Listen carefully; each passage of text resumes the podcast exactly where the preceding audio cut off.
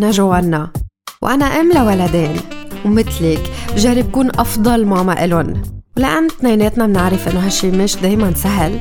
رح نكون سوا عم نتشارك بأفكار عملية ندعم فيها بعض ونفهم فيها نمو ولادنا بطريقة علمية مع أخصائيين بمجالات مختلفة ومعي أنا كاختصاصية بعلاج النطق واللغة.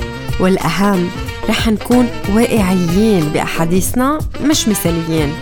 إذا بتوافقيني إنه الأمومة صعبة يلا صبي قهوتك وأهلا وسهلا فيكي ببرنامج ببساطة ماما.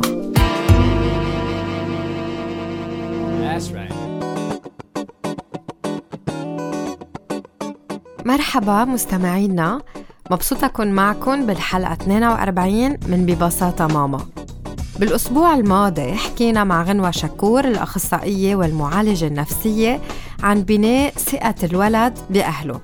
رح أعرض سؤالين من الأسئلة اللي وصلوا على صفحة ببساطة ماما ونرجع نسمع جواب غنوة برسالة صوتية من بعد كل سؤال.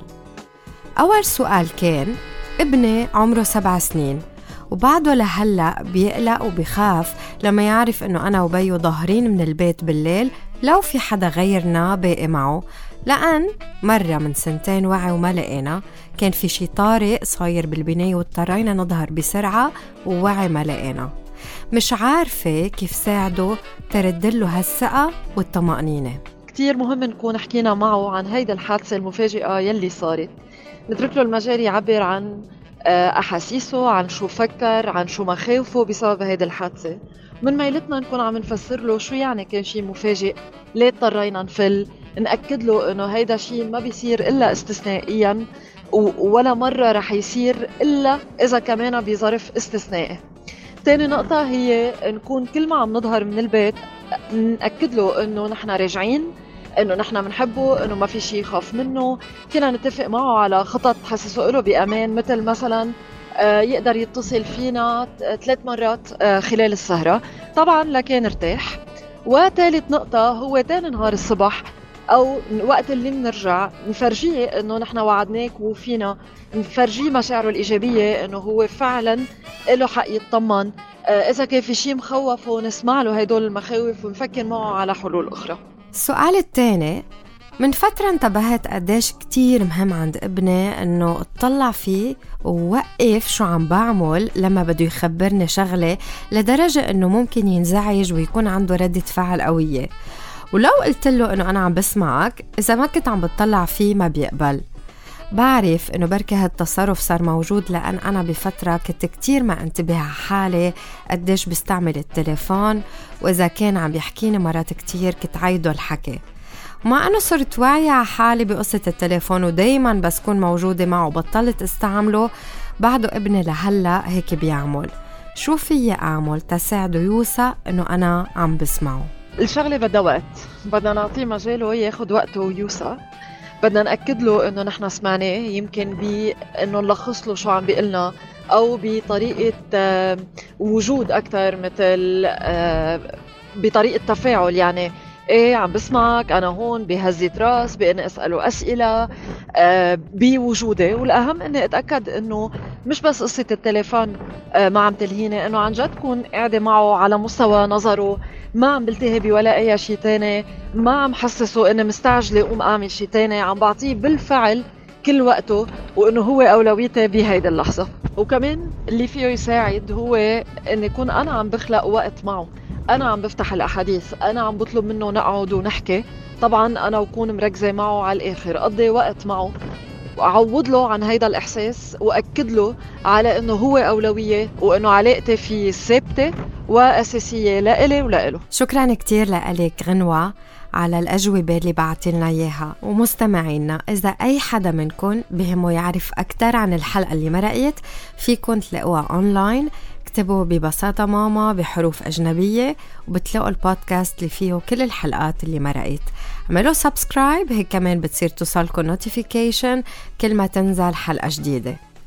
إذا عندكم أي سؤال أو استفسار انتو عم تسمعوا حلقة اليوم please بعتولي على صفحة ببساطة ماما على فيسبوك أو إنستغرام وحتى فيكن على رقم الإذاعة 81 50 48 84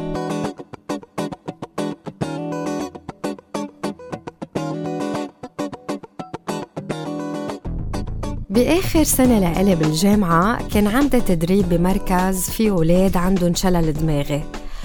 وكان في معلمة دايما تشجعنا بكل تدريباتنا إنه نشوف الولد بشكل شمولي بشكل هوليستيك نشوفه بكل شي فيه.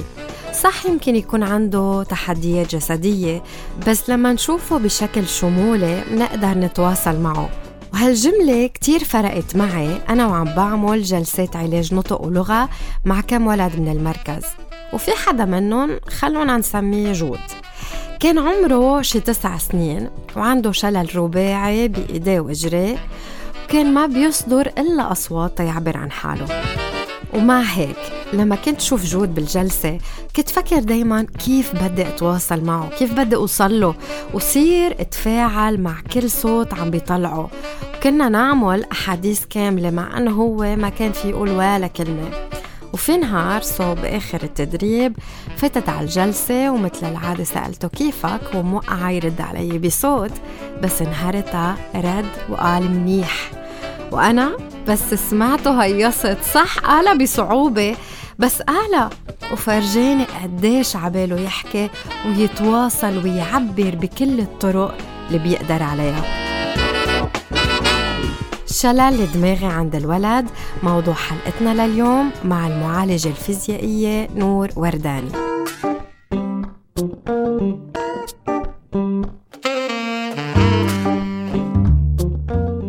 مرحبا نور. هاي جوانا كيفك اليوم؟ ماشي الحال. مبسوطة إنك معنا من جديد آه، بالبرنامج.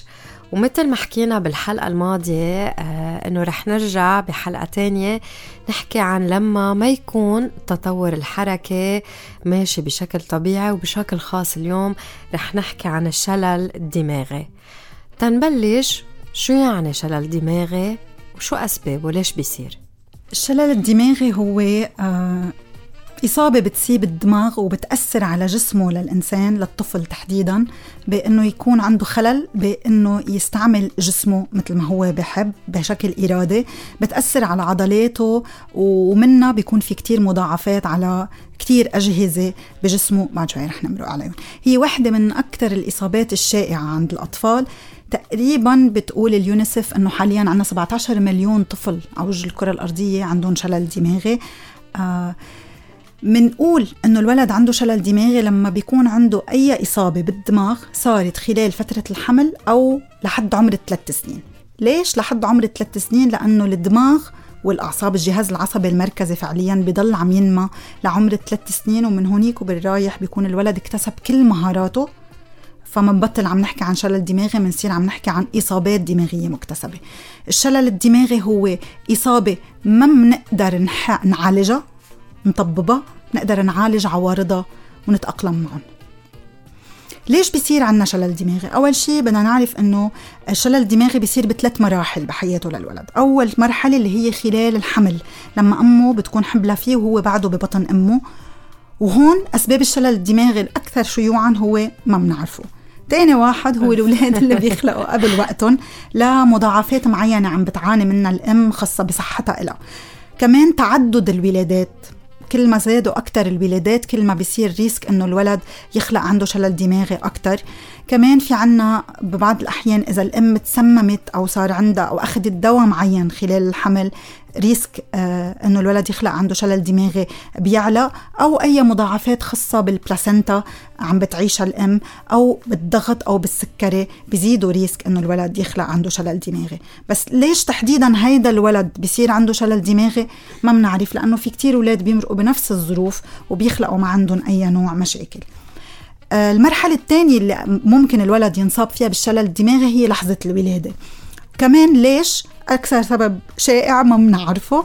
تاني واحد هو لما بيخلقوا قبل وقتهم آه لما الاولاد آه ما بيقدروا يتنفسوا بلحظة اللي بيخلقوا بيصير في عنا نقص اكسجه هيدي كتير بنشوفها. الاولاد اللي بيخلقوا عندهم نقص كتير بالوزن والاولاد يلي الولادة تبعيتهم بتكون صعبة بعلق الراس الكتف عريض بيضطروا يستعملوا أجهزة أو بيجربوا يولدوا طبيعي بيقلبوا سيزاريان. التأخير منه كتير مفيد بهيدي الحاله وآخر شيء هو من بعد الولادة الصفيرة للأسف. إذا كانت كتير خطرة أكيد أغلبية الأولاد بصير عندهم صفيرة فمش ما نخاف كل ما ولد صار عنده صفيرة. عم نحكي عن صفيرة بحالة كتير متطورة و... أو ضربة مباشرة على الرأس أو إصابة بفيروس أو بكتيريا معينة بتصيب الدماغ. معروفين باسم السحايا بس هن كتير أنواع. هول كلهم بيسببوا شلل دماغي. بس فعليا فعليا ليش بصير في شلل دماغي؟ ما كتير بنعرف والدماغ أصلا حتى عند الكبار اثنين بصير عندهم نفس الإصابة بنفس المحل بنفس القوة واحد عادي بحف راسه وبيمشي والتاني بفوت كوما و...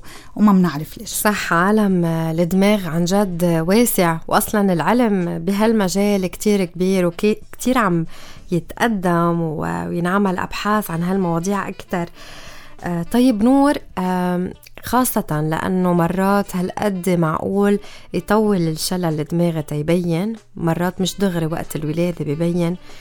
مع نمو الولد. الأهل كيف فيهم نظريا هن يلاحظوا إنه في مشكل. الولد ما عم بيعوز عضلاته بشكل صحيح. آه هن ايمتى لازم يشكوا ويحطوا علامة استفهام لحتى يكونوا عم بيستشيروا حدا يساعدهم؟ آه، أول شيء فينا من لحظة اللي بيخلق الولد نعرف إذا لازم نراقب أكثر من غيره واللي هو بكل المستشفيات بكل العالم بيستعملوا آه اختبار مقياس اسمه مقياس أبكار. اخترعته آه، فيرجينيا أبكار لأنه خيا كان عنده شلل دماغي بسنة بال, بال 1800 تقريبا اللي هو بينعمل بلحظة اللي بيخلق الولد وبعد خمس دقايق. بيشوفوا فيه لون الوجه البشرة تبعيته النبض تبعه آه، حركات وجهه قديش عم يتجاوب مع المحيط تبعوله. وبياخد علامة من صفر ل 15 الولد. مفروض يكون عنده ال 15 هلا أول دقيقة في يكون أقل شوي بس إنه على الخمس دقائق لازم يكون 15 وهيدا موجود بالدفتر الصحي اللي بتعطيه الوزارة على فكرة. فالأهل يشوفوه ويشوفوا إذا لازم ينتبهوا. شغلة تانية ممكن تكون ملفتة للنظر كمان موجودة بالدفتر الصحي اللي بتقدمه الوزارة اللي هو آه هيدي تبع النمو الجراف اللي بتفرجينا إذا الولد عم ينمى بشكل ملائم لإله هو لأنه في ناس حجمها أصغر من ناس هذا الشيء وراثي وموجودين كل كل الرسمات لكل القياسات. فيلحقوا تطور ابنهم إذا كان أقل أو أكثر من من الطبيعي اللي موجود على هيدي الرسمة. بيكون مفروض ننتبه. هن بالبيت برات الدفتر يعني آه في عنا الشيء اللي بنسميه تثاقل تقيل لأنه البيبي مفروض يكون كتير خفيف بس في بيبيات من أول ما بيخلقوا بنحملهم بنحسه تقيل مثل كأنه راخي حاله كليا. لا هو راخي حاله أكيد بس بنحسه إنه هو أتقل. وهيدا الشيء بنسميه النغمة العضلية وبعدين ببين عنا إنه عنده تشنج الولد. فهيدا التقل براسه بإيديه بإجريه للولد هو من أهم العلامات أنه ممكن يكون عندنا شلل دماغي. كمان الاختلاف بين ميلة اليمين وميلة الشمال بين إيديه وإجريه للولد اللي هن مفروض يكونوا مثل بعضهم. الولد بيخلق آه، إيديه وإجريه شادين وظهره راخي ومنشان هيك ما بيكون بيقدر بيهدي راسه مفروض لعمر الست أشهر يكونوا بدله. يصير ظهره ورقبته شادين وإيديه وإجريه اللي بنسميهم الأطراف أرخى ومرنين بيقدر يستعملهم. فلما ما بنشوف هيدي النقلة بالقوة العضلية أو بالنغمة العضلية عند الولد هيدي مشكلة كتير كبيرة. وهون عم نحكي على عمر الست أشهر قادرين نشوفها واللي هو نوعا ما تشخيص مبكر بالنسبة للحالات اللي نحن بنشوفها لما بنكون عم نشتغل. من العوارض الثانية اللي معقول الأهل يكونوا عم بتابعوها اللي هن مزاجه للولد. إذا الولد كتير رايق مشكله واذا الولد كتير بيصرخ وبيبكي كمان هيدي منا شيء كتير مريح. آه، قد إيه الولد بياكل؟ إذا بياكل كتير أو ما بياكل ابدا. إذا الولد بينام كتير أو ما بينام ابدا هول كلهم آه، هن إشارات إنه نحن مفروض ننتبه ونجرب نبحث عن الأسباب. نور على أي نواحي وجوانب معقول يأثر شلل دماغي لأن لما نحكي عن مشكلة بالعضلات والعضلات بينعازوا بكتير مهارات جاية لبعدين شو بيصير وشو بيتأثر سلبا عند الولد؟ هلأ نحن هون عم نحكي عن الدماغ، الدماغ اللي هو مسؤول عن كل شيء، عن حركاتنا الإرادية واللا إرادية، وظائف أجهزة الجسم الداخلية، ففعليا كلهم للأسف بيتأثروا لما بيكون عم نحكي عن الشلل الدماغي. لما العضلات بيكون فيهم مشكلة عم نحكي عن ولد منه قادر يعمل الأشياء اللي بدهم يعملها حتى بعدين مع المدة الطويلة العضلات ما بيطولوا قد العظم فبصير في عنا تشوهات بالمفاصل بتصير مؤلمة بتصير كمان تسبب أكثر آه، صعوبة بأنه الولد يقدر يعمل الأشياء اللي هو بده يعملهم. الشلل الدماغي بيأثر على النوم بيأثر على الأكل بيأثر على البلع لأنه كلهم هو القصص خاصهم بالعضلات آه، بيأثر على أكيد النمو الحركي تبع الولد بيصير في تأخير وهون نستعمل مقاييس معينة موجودة لنشوف قديش التأخير. ودائما كناس بنشتغل مع أطفال الشلل الدماغي بنشوف العمر تبع الولد والعمر الفعلي تبع الولد وهذا الشيء بنقدر نحدده من خلال مقاييس بتمشي على مسار النمو الطبيعي وبنعطيه عمره لنشوف قديش في تأخر. آه كمان أكيد في عنا كتير اضطرابات مرافقة للشلل الدماغي اللي هن سلوكية اللي هن بالتواصل اللي هن بالقدرات الذهنية عند الولد. وأسوأ وحدة فيهم هي لما بيكون الولد عنده الأبيليبسيا يلي هي الكهرباء بالراس وبيعمل كرايز. وأكيد من مضاعفات كل هول القصص وإنه الحركة محدودة عند الولد بصير في عنا مشاكل بالجهاز البولي بالجهاز الهضمي بالتنفس بالدوران الدم بصير في عنده حتى بالجلد الولد بصير في عنده تقرحات إذا ما كتير عم يتحرك. فللأسف كل شيء كل شيء بيتأثر بحالة الشلل الدماغي. كرمال هيك بدي أسألك شو أنواع العلاج اللي معقول يستفيد منها الولد خاصة إنه هالقد جوانب بيتأثروا وايمتى ايمتى لازم يروح حتى يستفيد من هالعلاج؟ جوانا رح أرجع لأول شيء قلته لما عرفت الشلل الدماغي، نحن ولا مرة فينا نعالج الشلل الدماغي، نحن بنعالج عوارضه، بما إنه كل هول اللي ذكرتهم قبل شوي هن عوارض الشلل الدماغي، فكل هول بحاجة لتدخل كل واحد فيهم من اختصاص معين. كل ما بلشنا بكير كل ما أحسن. آه، بالمتابعة اللي بتبلش من لما بيخلق الطفل مع الحكيم مفروض يكون عم بيصير تشخيص. وحتى لو ما صار في تشخيص إن كان شلل دماغي ولا إن كان توحد إذا الولد ما عم نقول إنه هو خلص قررنا إنه هو عنده هيدي الحالة و... ورح يحمل هيدا اللقب كل حياته آه مش غلط نتدخل إن كان بالعلاج الفيزيائي ولا بالنطق ولا بالانشغالي ليش لا؟ يعني أحسن ما بعدين نندم ويكون فات الأوان. فالعلاجات اللي معقول ياخذها الولد أكيد الأدوية يلي هي ما بتعالج الشلل الدماغي هي بتساعد مرات ترخي العضلات إذا كان عندنا تشنج كتير كبير والأدوية كتير ضرورية إذا كان في عندنا epilepsy آه، غير هيك في عنا طبيا الجراحات يلي هي بتعالج التشوهات يلي سببها قصر العضلات والتشنج. هيدا طبيا وأكثر من هيك ما بينعمل وما في أدوية بتصحح الشلل الدماغي. بليز غير هيك بنعمل علاج فيزيائي بنعمل علاج انشغالي بنعمل علاج حس حركة بنعمل علاج لغة ونطق بنعمل علاج نفسي للولد ولكل الناس اللي بيشتغلوا مع الولد. أهله مقدمين الرعاية ما ننسى هذا الجانب. آه كمان في عنا شيء بنسميه آه التكنولوجيا المساعدة اللي هن الأجهزة المعينات الحركية اللي بيساعدوا الولد يكون مستقل لأنه مثل أي حدا عنده تحديات خاصة أو إعاقات هو بحاجة لأجهزة بتساعده على الاستقلالية اللي هي دايما هدفنا. وآخر شيء التربية المتخصصة إن كان بدمجهم بالمدارس ولا بمراكز متخصصة كل ولد حسب قدراته. بأسرع وقت ممكن قد ما فينا نكون عم نعمل ونكثف كل ما أحسن ضروري. وكتير مهمين هول النقاط لأن بمحل قد ما بيسمعوا الأهل أمور خاطئة عن هذا الموضوع مرات بيصير عندهم أمال آه، بس ما ما لها محل وخاصة لما حكيت عن موضوع الأدوية إنه هي بتعالج الشلل الدماغي نفسه. آه، هالعلاجات قديش مهمة؟ تتساعد الولد بس بالبيت هن والأهل مع الولد بالبيت. شو بيقدروا يعملوا؟ كيف فيهم يعملوا بركة بعض التمارين اللي معقول؟ هيك تكون بركة بسيطة ومفيدة آه، بحياة الولد اليومية. جوانا إذا بتسمحي لي قبل ما نحكي شو فيهم يعملوا الأهل مع الولد أه بدي أقول لك شو فيهم يعملوا الأهل مع حالهم.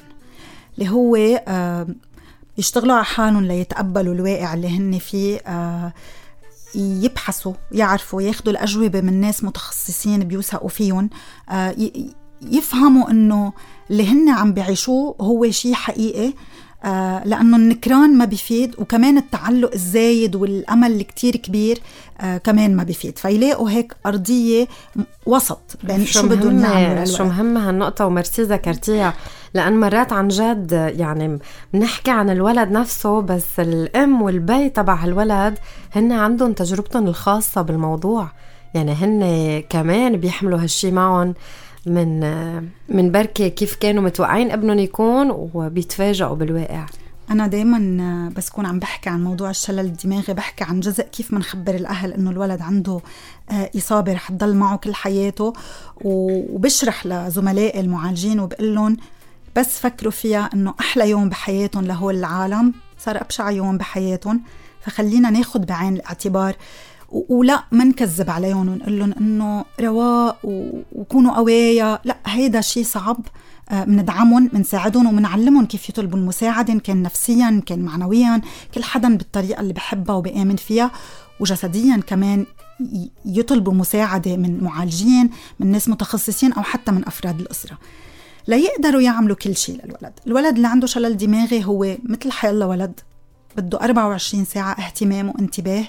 الفرق بينه وبين حيلا ولد إنه الاولاد اللي ما عندهم شلل دماغي بعد ثلاث أربع سنين بخف الاهتمام اللي بنعطيهم إياه.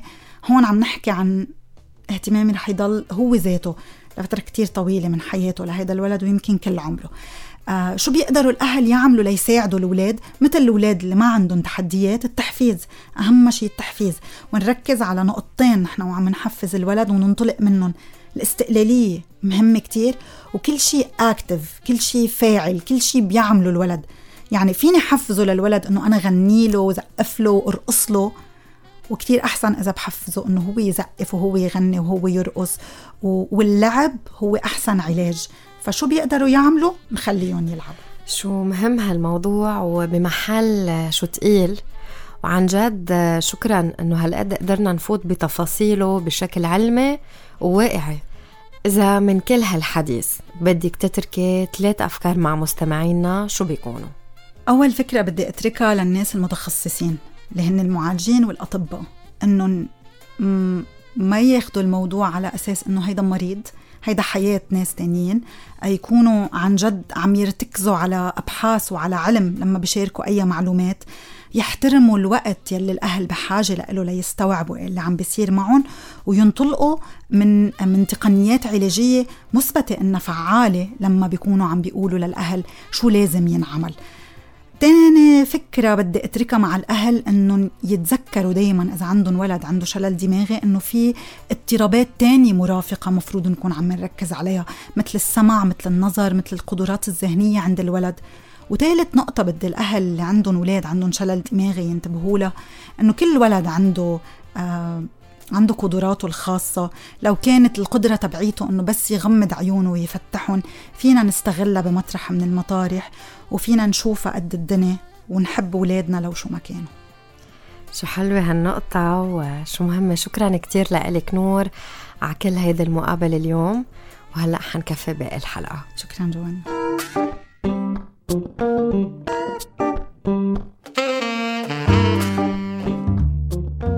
لما الشخص يكون عنده شلل دماغي مش بالضرورة يكون عنده مشكلة بالحكي أو الأكل. بس في ولاد بيكون الشلل الدماغي عندهم كمان مأثر على العضلات اللي حول التم وبالتالي في بعض الوظائف بتتأثر مثل الحكي التنفس المضغ البلع. وكرمال هيك علاج النطق واللغة بيكون ضروري بهالحالة. بنشاط هالأسبوع رح أعطي فكرتين ممكن يستخدموا بجلسات النطق واللغة حسب حاجة كل ولد. بس كمان فيهم ينعملوا مع أي ولد ما عنده شلل دماغي لإفادات كتيرة. أول شي نفخ طابة البينبون لهالنشاط ممكن استخدام طابة بينبون أو طابة من قطن وكل حدا بدوره بينفخها وبيشوف لوين في وصلها فيكم تحطوا خط. لازم تقطعوا الطابة أو ترسموا جول صغير أو ممكن تقعدوا بوجه بعض وكل حدا بده يجرب ينفخ تيوقع الطابة عند التاني. بهالنشاط في الولد يحط إيده على بطنه ويحس كيف البطن بينفخ لما الهواء يفوت وبيرجع مثل ما كان بس يظهر الهواء. وفي يشوف تأثير الهواء على الطابة بس يكون قوي أو خفيف متواصل أو مقطش. هيك بيوعى أكثر على تقنية التنفس بشكل ممتع. الفكرة الثانية عمل وجوه بتضحك.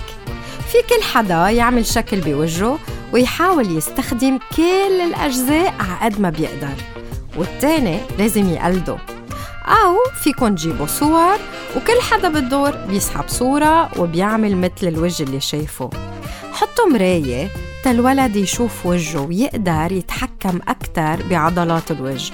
وطبعا إذا الولد صغير أو عنده صعوبات بالتحكم بالعضلات بسطوا الحركات قد ما فيكن. وإذا بدكن فيكن تستغلوا هالنشاط تتشتغلوا على المشاعر. يعني حدا بيقول الشعور والتاني بيعمله أو التاني بده يحذر شو الشعور اللي شايفه. وممكن ببساطة تقولوا شعور تعملوه بوشكن تيشوفوا الولد إذا هو عنده صعوبة بالتعبير. وهيك بهالنشاط بيقوى عضلات الوجه وكمان بينمى تقليد الحركة وربط علامات الوجه بالمشاعر.